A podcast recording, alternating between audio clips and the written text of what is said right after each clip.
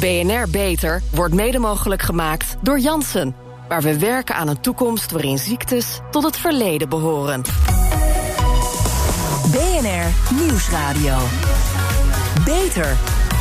Harmke Pijpers. Het kabinet heeft de testcapaciteit voor corona opgeschroefd, maar die wordt nog niet volledig benut. Waarom is daar zo lang mee gewacht? En hoe zinvol is het om zo veelvuldig op corona te testen? Welkom bij BNR Beter, het programma voor mensen die werken aan gezondheid. Mijn gast is Bert Niesters, hoogleraar medische microbiologie en viroloog verbonden aan het UMC Groningen. Welkom, meneer Niesters. Ja, dankjewel. U werkt uh, u werkt vanwege de bijzondere omstandigheden, net als uw collega's en net als ik trouwens, zoveel mogelijk vanuit huis. Dat is verstandig, want zo'n besmetting met corona, dat moet je kosten wat kost zien te voorkomen. Maar u heeft het al gehad, hè? Ja, dat klopt. Ik ben ongeveer drie weken geleden positief getest. En ik ben nu al uh, dan die hele tijd thuis. Gelukkig met milde klachten. Geen koorts. Ja. Maar uiteindelijk uh, heb ik dan mijn, mijn echtgenoot nog uh, besmet. En die is er wel wat meer ziek geworden, hoge koorts en meer klachten. Maar die gaat gelukkig ook de goede kant op. Gelukkig maar. U werkt dus voorlopig thuis. Maar hoe is de situatie in het uh, UMC Groningen op dit moment? Eigenlijk redelijk uh, rustig en uh, stabiel. We hebben natuurlijk al een aantal weken zijn we al begonnen met het testen van onze collega's die klachten hadden. En we hebben daarom de, zeg maar de positieve corona-collega's die hebben toen thuis kunnen werken en komen nu langzamerhand weer terug in, de, in de zorg. En de testcapaciteit is uh, meer dan voldoende in het uh, noorden en zeker ook in het, uh, in UMC. En de IC-capaciteit is door de collega's gebouwd om ook de patiënten uit het zuiden op te vangen. En daar is ook uit. Dus eigenlijk is het redelijk stabiel en rustig. We zijn sinds het eerste coronageval in Nederland nu een paar weken verder.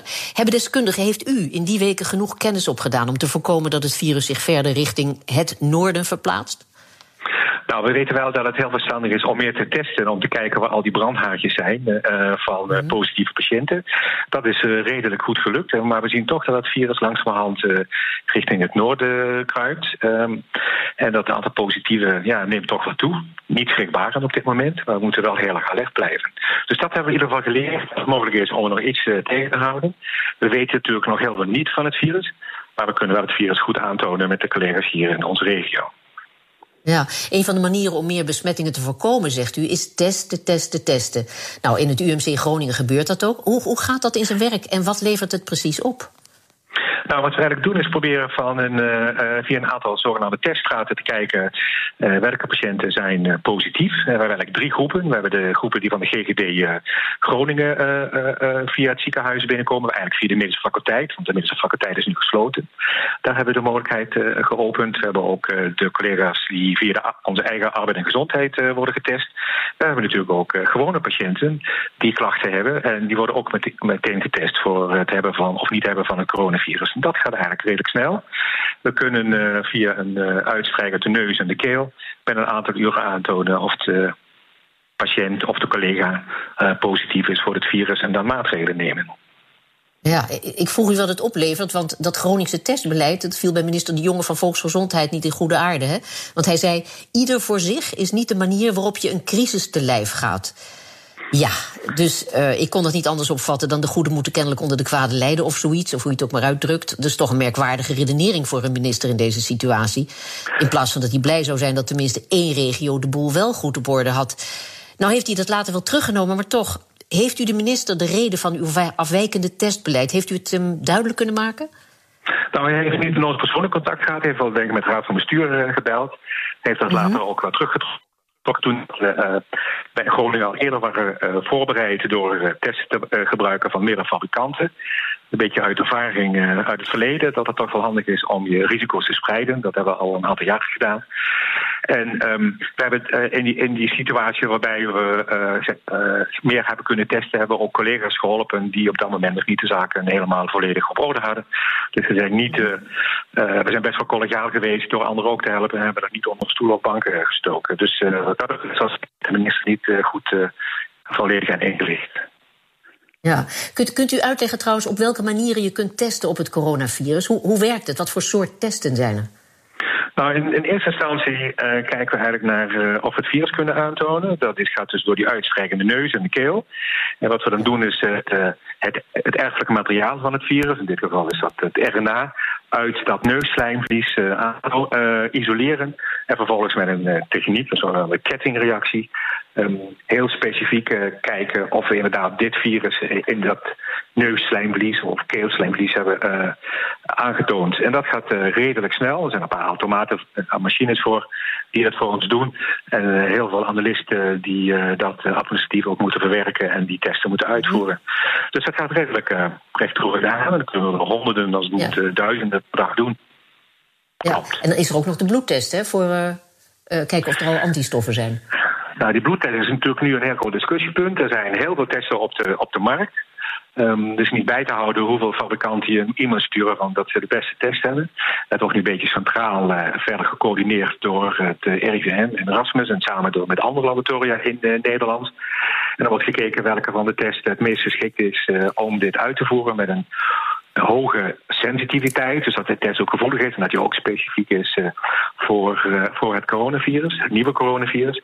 En dan is het de bedoeling dat de overheid die test gaat aanbevelen en ook aanschaffen voor ja. de hele bevolking of voor de helft van de bevolking. Ook de Wereldgezondheidsorganisatie hè, pleit voor testen, zoals bijvoorbeeld in Duitsland en Zuid-Korea. Zoals dat daar gebeurt. Daar zijn de sterftecijfers veel lager. Uh, meer testen leidt dus tot minder sterfte. Is dat de conclusie of is dat toch een beetje te kort door de bocht?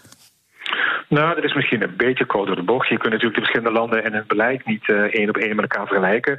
In Zuid-Korea heeft men uh, heel uh, kort op de positieve patiënten gezeten. Daar had men op een gegeven moment een uitbraak in een religieuze gemeenschap. En die heeft men heel benaderd en gezegd: van, Nou, ik wil helemaal weten wie is hier lid van en wie is bij wie geweest. Um, dat heeft ertoe geleid dat men eigenlijk alle positieve brandjes uh, heeft meteen heeft kunnen blussen. In Duitsland heeft men meer getest, dat klopt, uh, dan in uh, Nederland. die zijn toch iets, misschien mhm. iets sneller geweest met het opkopen of aanschaffen van heel veel testmateriaal. Dat was natuurlijk wel een probleem in Nederland. Dat we dat iets later hebben gedaan en heel erg afhankelijk waren van, um, te veel afhankelijk waren van één fabrikant. Ja, maar moeten we uiteindelijk alle 17 miljoen Nederlanders testen? Nou, dat denk ik niet dat het nodig is. In ieder geval kun je er twee niet doen, dat is mevrouw en ik. Dus dat, uh, maar ik denk dat je alleen maar eigenlijk mensen moet klachten, moeten uh, testen die klachten hebben. Want uiteindelijk moet het testbeleid ook gevolgd worden door dat je dan iets ermee gaat doen. Dat je zegt van nou, je bent positief, blijf dan gewoon even twee weken thuis. Dat is natuurlijk het meest uh, belangrijke. Want anders weet je ook niet, uh, mensen die gewoon een verkoudheid hebben, die zouden eventueel eens echte klachten hebben wel kunnen testen. Maar als iemand denkt dat hij het virus heeft en ik blijf niet thuis, en je gaat die persoon niet testen, heeft er niet zoveel zin. En iemand die niets heeft, testen, heeft ook niet zoveel zin. Ja, maar bovendien, eh, dat testen wordt natuurlijk minder urgent zodra we een, een, behoorlijke graad van immuniteit hebben bereikt. Maar ja, dat is nog een end te gaan, hè? Ja, we weten natuurlijk helemaal niet hoeveel mensen het hebben doorgemaakt. Um, daar wordt nu onderzoek ja. uh, gedaan door de bloedbank. Want die krijgt natuurlijk iedere dag van ongeveer 8000 donoren in de normale tijd. Uh, um, als er geen coronavirus is, bloed, bloedmaterialen binnen. Dus dan weten we wel hoeveel uh, van de bloeddonoren zijn positief. En het RIVM doet ook studies om te kijken van hoe, wat het percentage van Nederlanders die op dit moment uh, al het virus heeft doorgemaakt. Uh, ja, die het heeft doorgemaakt of op het moment dat het doormaken is. Ja, dat weten we niet. Dat zal niet 50% zijn. Dat zal misschien 5% zijn of 10%. Ik ben heel benieuwd wat eruit komt. Ik weet het ook niet. De, de, Wereldgezondheidsorganisatie riep half maart al op om veelvuldig te testen. Nu, een maand verder, lijkt het alsof Nederland wakker wordt en wordt de capaciteit en het aantal testlaboratoria worden opgeschroefd. Ja, hoe kan dat nou? Waarom heeft dat nou zo lang geduurd? Ja, dat is een beetje moeilijk in te schatten. Ik denk dat men in het begin niet goed heeft ingeschat uh, uh, wat uh, het probleem is met het opschalen. Want men was toch afhankelijk van een beperkt aantal fabrikanten. En iedereen in de wereld wilde op een gegeven moment uh, testen hebben en testen kopen.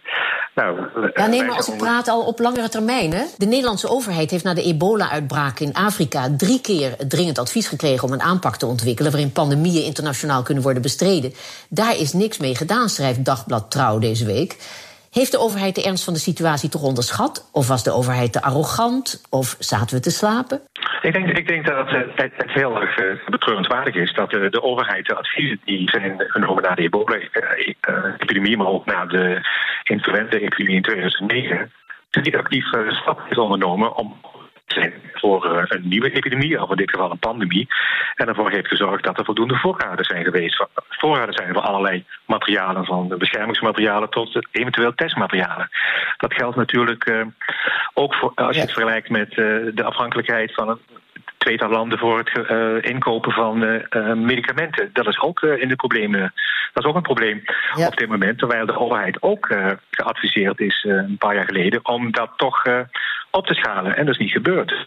Waar dat is blijven liggen. Ja, maar ik heb begrepen, daar had uw ziekenhuis, het UMCG in Groningen, geen last van, hè?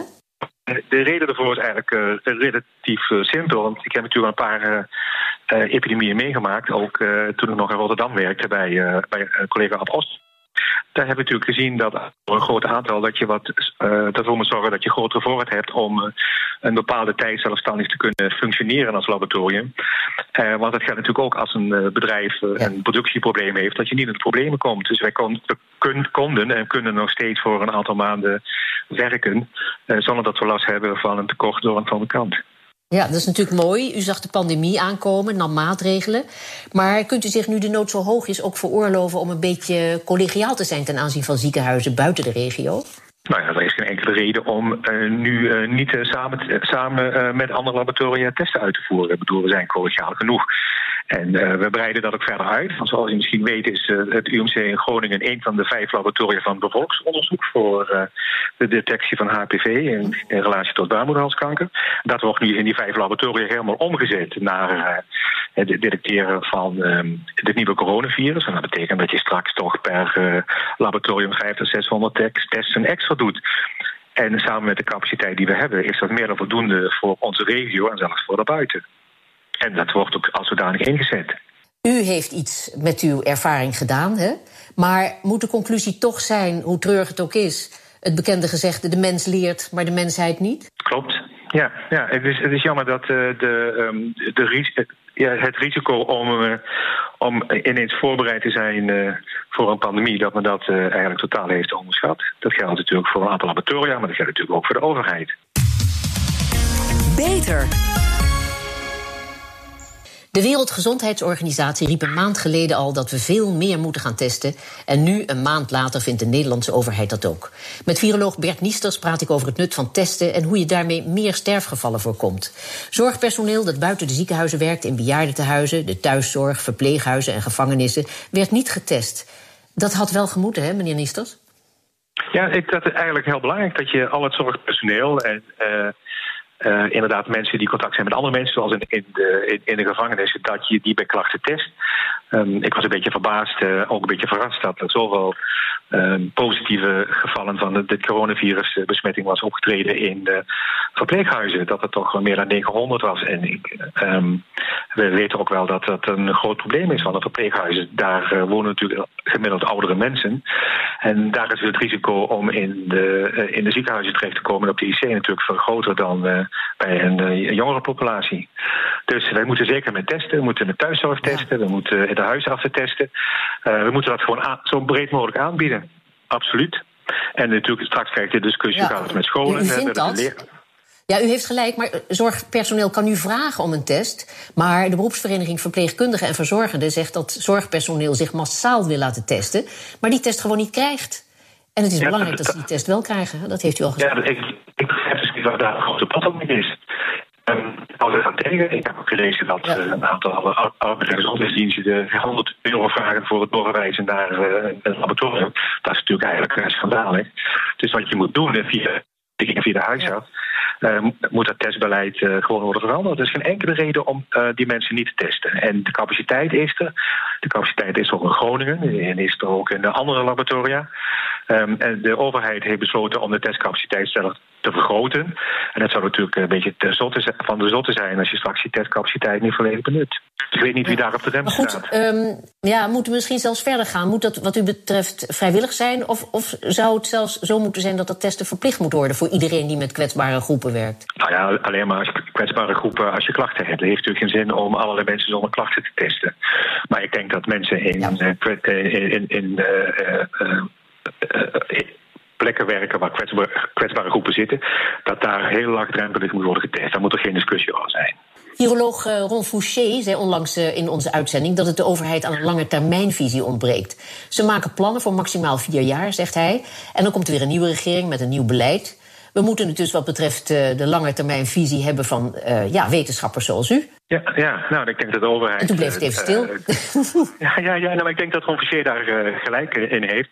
Eh, de overheid is vaker gewaarschuwd, maar het blijkt dat uh, er, toch in de ministeries niet goed wordt nagedacht wat de risico's zijn. Want uiteindelijk zullen wij in ons, in ons leven in het algemeen wel één of meerdere epidemieën meemaken. Ik bedoel, dit is van mij nu al de derde, dus, en ik ben 61, dus ik hoop dat ik heel oud word, maar dan is de kans groot dat ik er nog één of twee meemaak. En het is natuurlijk in en in triest dat daar geen plannen voor liggen. Dat we dus nu met allerlei tekorten zitten die nergens voor nodig zijn. Ja, en dan hoopt u ook niet dat u uh, eenmaal uh, met emeritaat uh, zeg maar twee jaar thuis komt te zitten? Nee, dat hoop ik ook niet. Nee, absoluut niet. Nee, nee, nee, nee. nee. Maar dat, nee, dan ga ik maar, toch naar buiten. Ja. ja. maar vertel, wat is uw visie voor de lange termijn? Wat moet er, wat moet er gebeuren? Nou, ik denk dat in eerste instantie dat de overheid er ook voor moet zorgen dat de bezuinigingen die altijd in de gezondheidszorg zijn voorgevallen de afgelopen jaren, dat daar eens een keer naar wordt gekeken om dat terug te draaien. Eh, er is zorg over tekort aan IC-capaciteit, over niet voldoende personeel.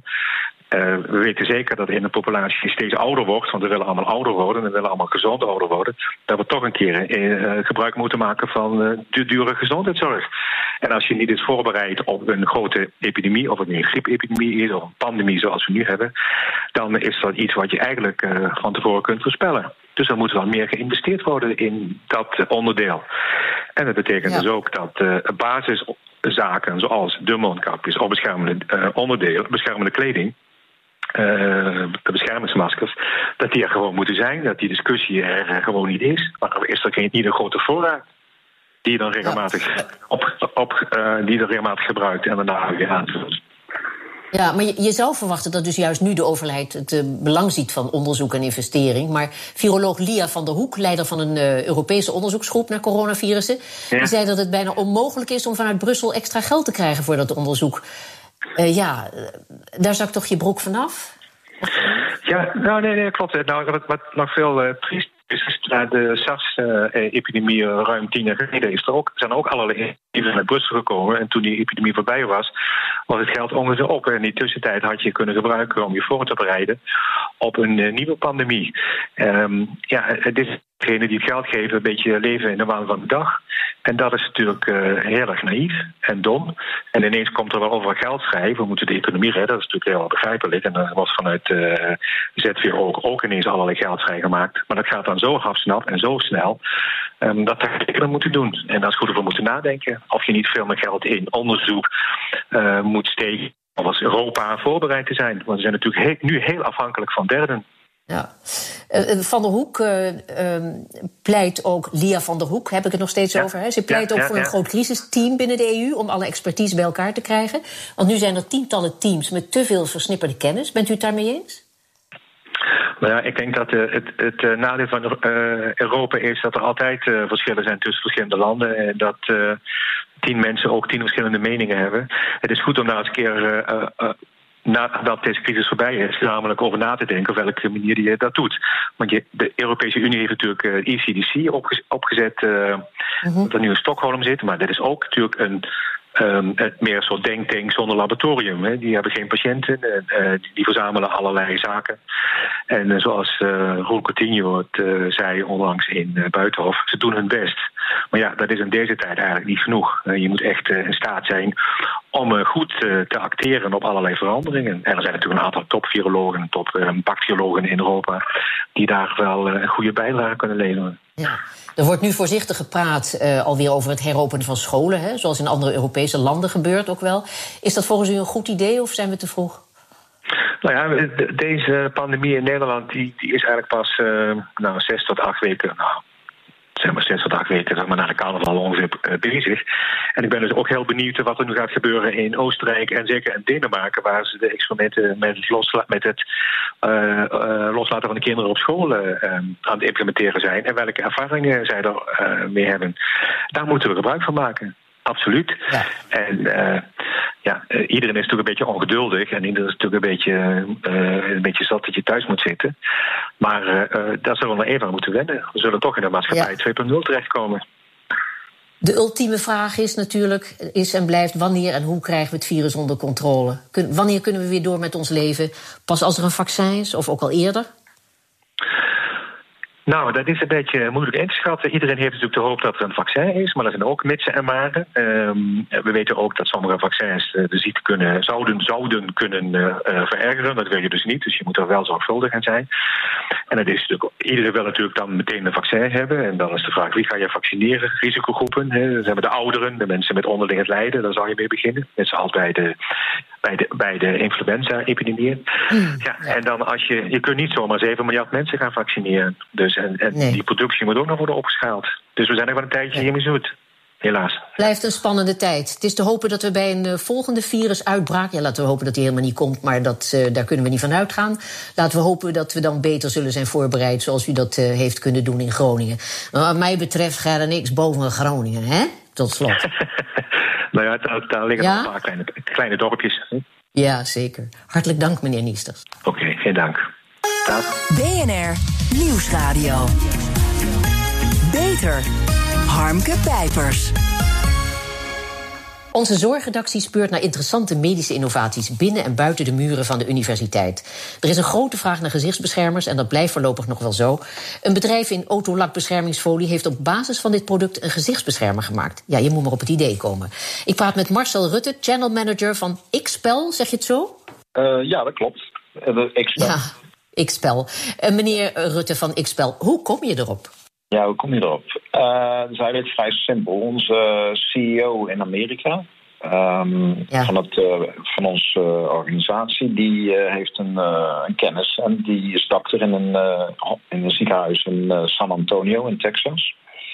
En toen daar het virus zeg maar ook voorkwam, toen hebben ze ehm, gevraagd van ja, we hebben eigenlijk een groot tekort aan beschermingsmaskers is het uh, wellicht uh, mogelijk voor jullie dat, uh, dat jullie, wat jullie zitten in folies, in bescherming voor auto's of lakken, en, is daar niet een ja. product op te verzinnen? En ehm, ja. ja. toen heeft onze productmanagement afdeling die heeft daar eens naar gekeken en we hebben daar eigenlijk ja, iets op bedacht waardoor we onze autolakbeschermingsfolie daar ja, geschikt voor kunnen maken. Ja, want het is uh, eigenschappen van het materiaal. Dan denk je toch niet meteen aan beschermingsmateriaal voor op je hoofd. Hè? Want wat zit er allemaal in? En waar uh, moet je weerstand tegen hebben? Dus... Olie, vetten, slijtage? Uh, ja, nou, het is een polyurethaanfolie. Mm -hmm. Het is een vrij flexibel materiaal. En de clue is eigenlijk dat wij die toepassen dan op een auto, maar die folie voorzien van een coating die uh, de bescherming geeft aan de folie voor allerlei weersomstandigheden. En uh, ja, steenslag, krassen. Hij is zelfs krasherstellend, zelf krasherstellend. Dus als je hem schoonmaakt, dan gaan de krasjes er vanzelf uit. Um, ja, en dat maakt het eigenlijk een, uh, een, een, folie die erg, erg veel mensen aan het denken zet. En zegt van ja, maar als je dat voor een auto kunt gebruiken, kun je dat dan ook voor iets anders gebruiken. En dan komen de meest wilde ideeën naar boven. Ja, fantastisch. Hebben jullie machines of productielijnen ook moeten aanpassen? Ja, dat is een beetje een dilemma. Uh, ja. we, hebben, uh, we hebben wel productielijnen om, om folie te snijden. Uh, dat is op zich geen probleem. Maar het, het, assembleren eigenlijk van het product, dat is iets wat we normaal gesproken niet doen. We snijden de folie en die wordt geïnstalleerd op een auto. En er zit geen assemblage verder of komt daarbij van pas. Dus uh, we zijn wel druk bezig om nu te onderzoeken of wij iets van een assemblagelijn uh, op kunnen zetten. Maar voorlopig moet het dus met, uh, met de hand? Ja, ja, voorlopig okay. met de hand. Dus, naast machine, dus naast machines zoeken jullie ook nog extra handjes om te helpen? Dus voor mensen in de regio Tilburg die nog werk zoeken... kijk op onze ja. site bij BNR, dan zetten we het erop. We moeten het hierbij laten. Veel succes, hartelijk dank. Marcel Rutte. En tot zover deze uitzending van BNR Beter. Op bnr.nl slash beter kunt u deze uitzending terugluisteren. Dat kan ook on demand via de BNR-app, Spotify of iTunes. En ook op Twitter kunt u ons vinden onder BNR Beter. Heeft u tips voor ons? Laat het ons weten. Ik ben Harmke Pijpers. Blijf gezond. Tot een volgend spreekuur vanuit mijn huis. BNR Beter wordt mede mogelijk gemaakt door Jansen. Waar we werken aan een toekomst waarin ziektes tot het verleden behoren.